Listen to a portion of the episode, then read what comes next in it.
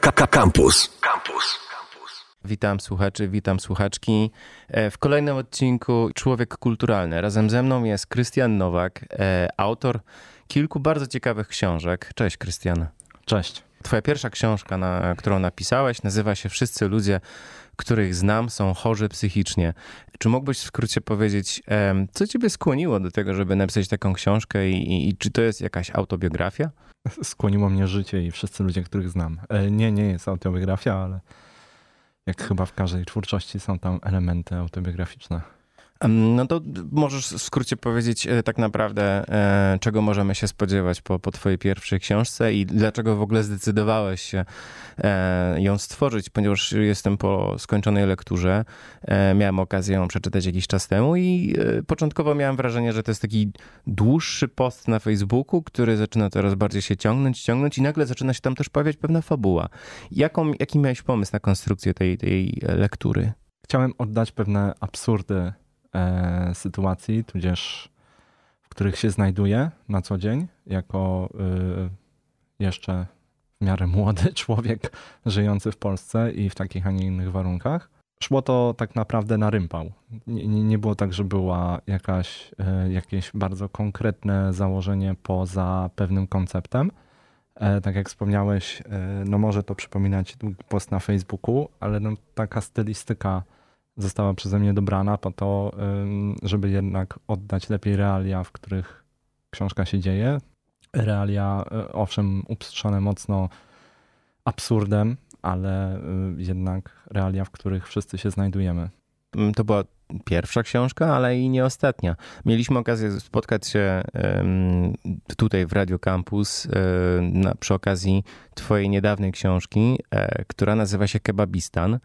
Mm, do której jeszcze przejdziemy. Rozmawialiśmy o tej książce dużo. Kto, kto nie czytał, kto, kto nie zna, to polecam.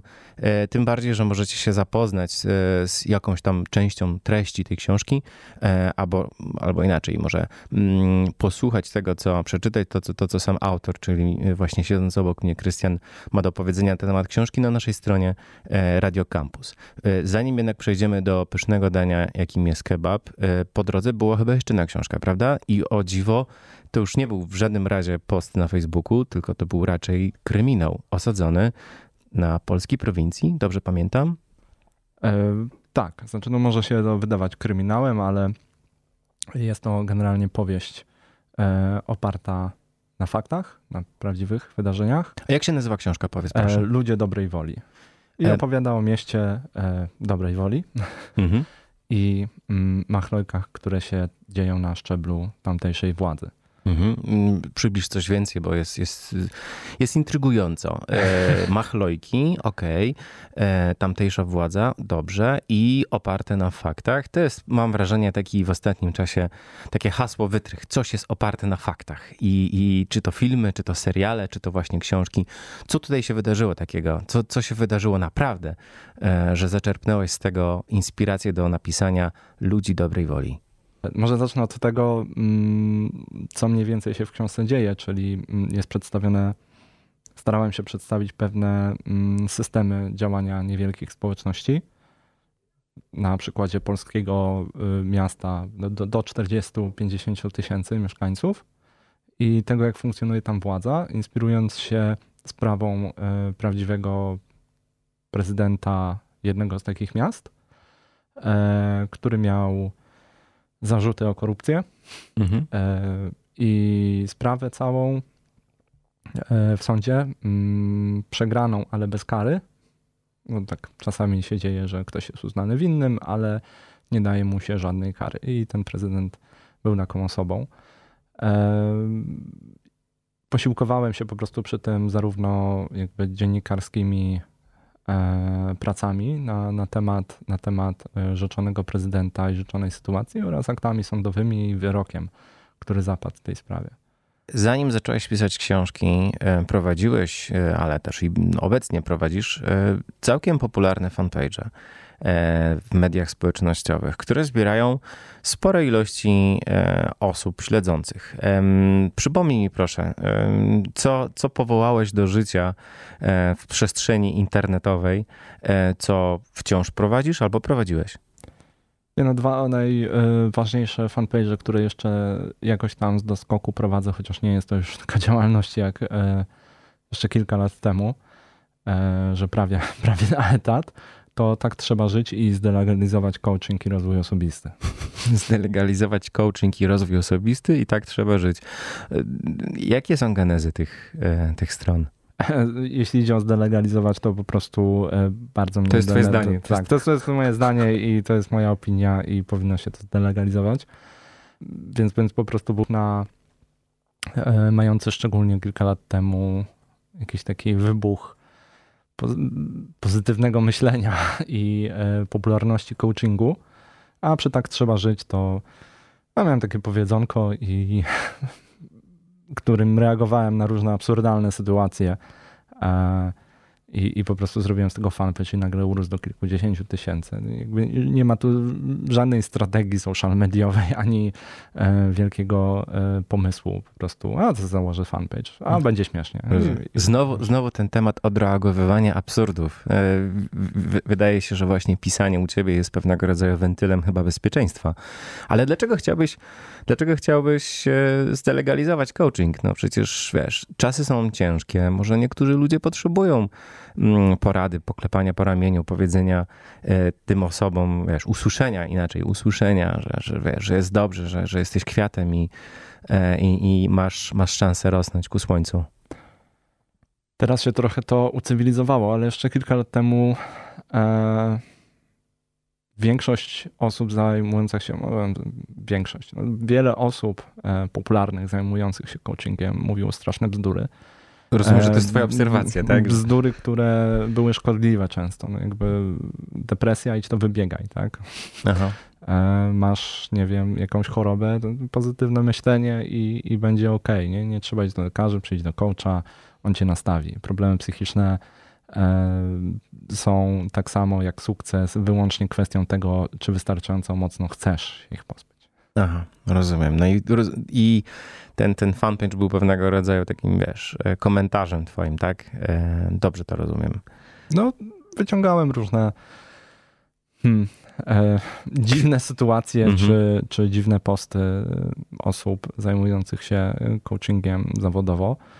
E, starałem się wytykać mm, przez wiele, wiele miesięcy wytykać bzdurność tego, o czym mówią, a teraz już jest to głównie fanpage, e, na którym po prostu od czasu do czasu coś e, wrzucę, bo zarówno kontentu e, jest mniej, mhm. bo mam wrażenie, że właśnie, tak jak wspomniałem, ucywilizowało się to trochę. Może niektórzy z nich, niektórzy z tych coachy poszli po rozum do głowy, inni może mm, przestali być tak popularni, przestali mieć taki straszny wpływ, bo ludzie się zorientowali, że to jednak nie jest nie, nie są osoby, których należy się słuchać w poważnych kwestiach. Naszym e, gościem jest Krystian Nowak, autor książek, między innymi Kebabistan, o której rozmawialiśmy na naszym portalu Radio Campus, którą y, tą rozmowę możecie wciąż przeczytać.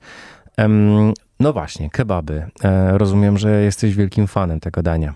No teraz tylko z odległości. Tak, teraz z dowozem chyba tylko będzie można degustować, ewentualnie. Nie, bardziej chodziło mi o to, że, że y, ograniczyłem mocno jedzenie mięsa i o. nie spożywam kebabów. O, okej, okay, w porządku. Myślałem, że, że odnosisz się do e, aktualnej sytuacji, e, która dotknęła nasz kraj i że, że właśnie wczoraj czy, czy, czy przedwczoraj e, można było przeczytać e, w co po niektórych serwisach e, informacyjnych, że że jedzenie na mieście. Zakaz jedzenia kebabu. Zakaz. Tak Ostateczny cios e, dla, dla tej gałęzi gastronomicznej. Możliwe, że nie. Możliwe, że tak. Czas pokaże. Natomiast rozumiem, że u ciebie to była decyzja, e, decyzja taka indywidualna, tak? E, tak, no jadłem dużo kebabów. Się, przejadłeś tak. się, pisząc tą książkę. Ja dużo, pisząc książkę też w ogóle.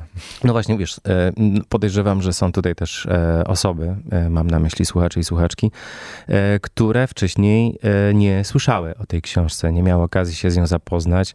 E, no więc um, chyba warto zapytać, zapytać w tym momencie, e, o co chodzi. Książka o kebabach? Co? W sensie, że książka kucharska? Ale nie, chwileczkę, przecież tam było coś o reportażu. Czy mógłbyś powiedzieć coś więcej? Tak. Jest to reportaż o kebabach. Y, Jest to reportaż o kebabach dość, powiedziałbym, niepogłębiony.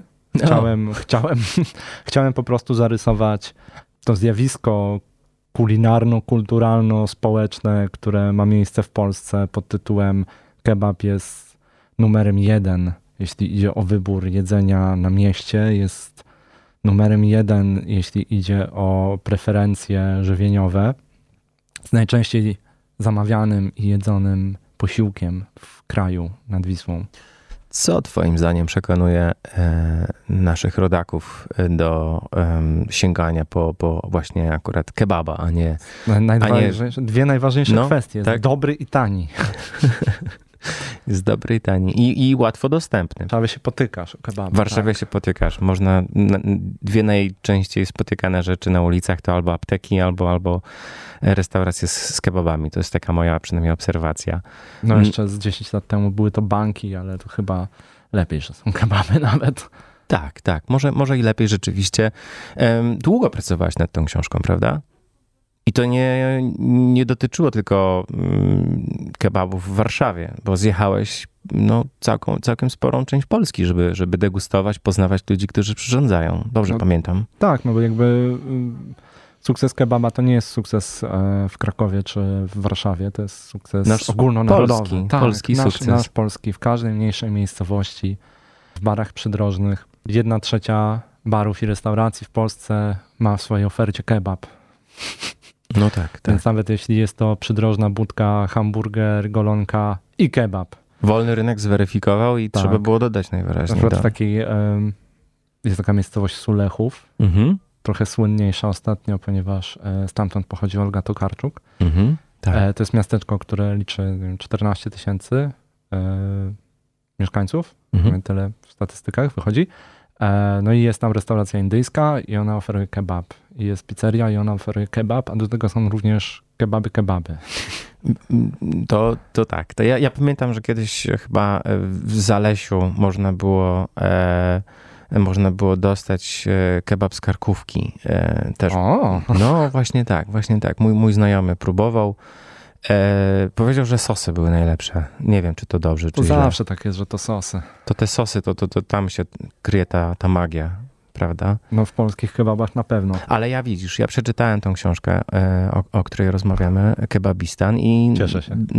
Ja też się cieszę, bo dowiedziałem się na przykład, że mm, że mm, zamawianie kebaba e, z mięsem i, i, i nie mieszanie sosów jest lepsze dla dla naszego organizmu, jeżeli na przykład nie chcemy, wiesz, nie chcemy um, doładowywać sobie kolejnych kalorii, tak, że to właśnie te, te sosy są chyba najbardziej tuczące. Dobrze pamiętam? Tak, tak, oczywiście, no, sosy są e, tłuste, sosy są słodzone.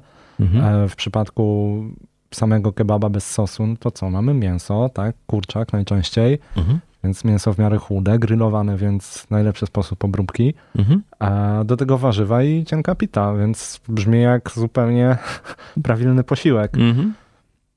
I, I, jest to normalny, dobry posiłek, mhm. jeśli, jeśli nie bierzemy sosów, tylko to mięso e, w kebabach w Polsce, w przeciwieństwie do, nie wiem, w Turcji czy w krajach arabskich, e, no jest dużo słabiej i inaczej przyprawione, więc nie ma takiego smaku samego.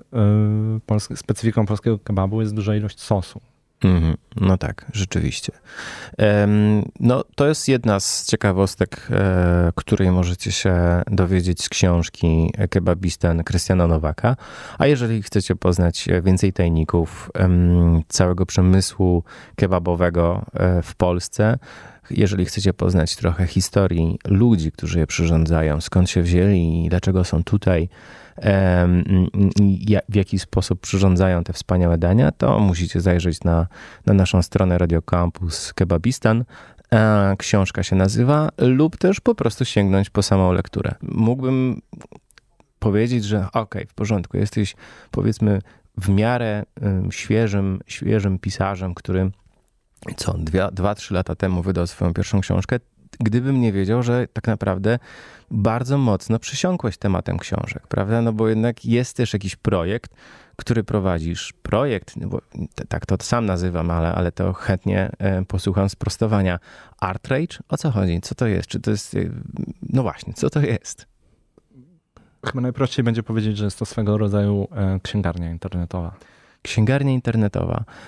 A to ty prowadziłeś też jakąś wypożyczalnię e, książek dla, dla firm, czy, czy coś w tym stylu? Coś mi się obiło o uszy, że, że chyba były też i, i taki pomysł na dowożenie książek e, do, do e, różnego rodzaju mm, miejsc, gdzie, gdzie te książki są potrzebne. Mieliśmy w sumie, mamy nadal taki projekt, który się nazywa Biblioteczka.net i nie wypożyczamy, tylko po prostu dostarczamy książki do firm jako benefit pracowniczy. A. Takie owocowe czwartki, tylko tylko, że zamiast y, owoców masz, masz. Książki nie raz w tygodniu, tylko raz w miesiącu. No i jak to jest? Przecież ja, ja słyszałem, mm, czytałem też o tym, że, że Polacy chyba nie lubią czytać tych książek, a ty mimo wszystko ciśniesz, ciśniesz. E, I jak nie Artrate, to, to sam piszesz te książki. czytają te książki, czy nie czytają? Nie. znaczy, no, nie wiem, czy chcecie się słuchać e, bzdur o E, tym, jak wygląda rynek po prostu książki w Polsce, jest on mikry, jest on nie, niewielki. Po prostu tak w skali, e, w skali po prostu e, wielkości państwa jest on naprawdę, naprawdę mały. No mamy tych 38 tak, milionów ludzi plus ze 2 miliony na emigracji. Mhm. Średni nakład w Polsce wynosi 2400, w sensie 2400 sztuk to jest średni nakład mhm. wydawanej książki w Polsce. E, hitami są rzeczy, które są, się sprzedają na 10 tysięcy egzemplarzy. Mm-hmm. To, mm-hmm. Jest, to, jest, to jest sukces, to jest, to jest hit. Mm-hmm. Myślę, że mm, nie znam dokładnych statystyk, ale no nie wiem, taki e, Szczepan Twarduch czy coś, to coś koło pewnie 170-200 tysięcy sprzedanych króla. Mm-hmm. To jest jakby, no wiadomo. No jest król. No. Jest król, a, ale to są jednostkowe przypadki. A ty jaką książkę ostatnio przeczytałeś, którą mógłbyś polecić? O, panie. Ja, ja trochę dużo czytam. W sensie um, staram się przynajmniej. E, ja przesiąkłem ostatnio. Czyli zawyżasz te statystyki? No, pewnie tak. No, jeśli tam wychodzi e, średnio nie ma jednej książki w roku na Polaka. Mhm no, ja czytam około 40-50 książek Słucham? w ciągu roku. E, no teraz trochę słabiej to ostatnio. Sporo. zarobione. To sporo. E, no, słuchaj, no czytanie jest moim hobby tak no naprawdę. No ja tak spędzam czas. Nie, nie oglądają filmy, e, grają w gry. Jakby robię obie te rzeczy, ale jak wsiąknę w jakąś książkę, to, to, to po prostu zawsze wygra z grą, z playakiem, czy, z, czy nawet z filmem. Ostatnio, wiesz co łańcuchowo, jak to się mówi, e, czytam McCarthy'ego, Cormaca hmm. McCarthy'ego, jedną po drugiej. O, fajnie, fajnie. Ja jestem w połowie praktycznie e, Hama z kulą w głowie, e, Ziemowita A, Szczerka. Przeczytałem, bardzo, bardzo fajna rzecz. No jestem ciekaw, co, co, co się dalej wydarzy, ale to już jest, wiesz, temat na inną audycję, co się tam dzieje w, w książce Ziemowita Szczerka. Teraz akurat rozmawiamy o twoich książkach i płynnie przechodzimy do tematu książki, którą chyba właśnie ukończyłeś. To było dla mnie duże zaskoczenie, kiedy zobaczyłem e, gdzieś w przestrzeni no, internetowej, że to ma, się tak wydaje, nie? masz że... książkę nową. Jak on działa, to, to wiesz, po prostu bardzo szybko. Nie, nie, tutaj też pozwolę sobie naprostować, bo e, jak dwa lata temu wyszła pierwsza książka, czyli Wszyscy ludzie, których znam, a potem tego samego roku jeszcze e, Ludzie dobrej woli. Tak, Ludzie dobrej woli. No to można było właśnie odnieść wrażenie, że mam tempo Remigiusza Mroza, e, a takiego tempo nie ma chyba nikt, mhm. przynajmniej w Polsce. E, potem, potem po dwóch latach wyszedł Kebabistan. Mhm. A tak naprawdę ja pisałem te książki trochę symultanicznie, w sensie to jest tak, że Ludzi, dobre, e, ludzi dobrej woli pisałem dwa lata łącznie. Mhm. Wszystkich ludzi, których znam, też pisałem ze dwa, trzy lata. No ale wiadomo, potem za, znaleźć wydawcę, zanim się ukaże, od momentu podpisania umowy też mia, minęło parę miesięcy, mhm. e, redakcja, korekta i tak dalej. E, w międzyczasie jakby dostałem umowę na ludzi dobrej woli w innym wydawnictwie, e, więc tak się złożyło, że one wyszły po prostu tego samego roku, a Kebabistan też miałem już zaczęty, więc skończyłem go tak naprawdę w listopadzie chyba zeszłego roku, ukazał się w lipcu tego roku. Rozumiem. Więc to się tak wydaje, miałem, miałem tą przestrzeń, żeby e, pisać. E, Na oddychanie. Tak. Miałeś, miałeś moment, żeby, żeby odetchnąć. E, Okej, to nie zmienia postaci rzeczy, że jednak kolejna książka chyba już jest ukończona. Czy możesz coś... Wie, wiem, że szu, będziesz szukać teraz wydawcy. E, zgadza się? tak, tak, szukam. W sensie rozesłałem manuskrypt do kilku wydawców i to też zajmuje kilka miesięcy, żeby dostać odpowiedź. Jasne. A Może możesz, zobaczymy. możesz coś zdradzić więcej? E, co to będzie za książka i o czym ona będzie? Ponieważ mam wrażenie, że wszystkie twoje poprzednie e, publikacje e, są zupełnie z różnych uniwersów. Więc no właśnie, jak się będzie nazywać? Czy jest już nazwa nowej książki i, i, i czego będzie dotyczyć? Nie, to ty, tytułu może nie będę mówić, bo wiadomo, że jest roboczy i może ulec zmianie. Okej. I jest to post-apo. Post-apo. Post-apo. A czy tak jak e, wszystkie twoje poprzednie książki, to post-apo będzie dziać się w Polsce, czy... W nieokreślonym bliżej miejscu, ale y, z racji na e, krajobraz i blokowiska można jakby uznać, że jest w Europie Wschodniej. Hmm, okej, ciekawie, ciekawie. No, e, temat rzeczywiście dość e, ciekawy i można by nawet pomyśleć, że kto wie, czy nie aktualny już niebawem. E, Mam nadzieję, że jeszcze, jeszcze chwila. ja też mam taką nadzieję e, i trzymam kciuki za, za w takim razie za nową publikację. Będę wyczekiwać. Prawdopodobnie jeszcze się nieraz spotkamy, żeby porozmawiać trochę o książkach i o post-apo. E, moim gościem był Krystian Nowak. Bardzo Ci dziękuję, Krystianie, że, że nas odwiedziłeś. Dziękuję również za zaproszenie. Do usłyszenia, kochani. Do następnego odcinka. Słuchaj Radio Campus, gdziekolwiek jesteś. Wejdź na www.radiocampus.fm.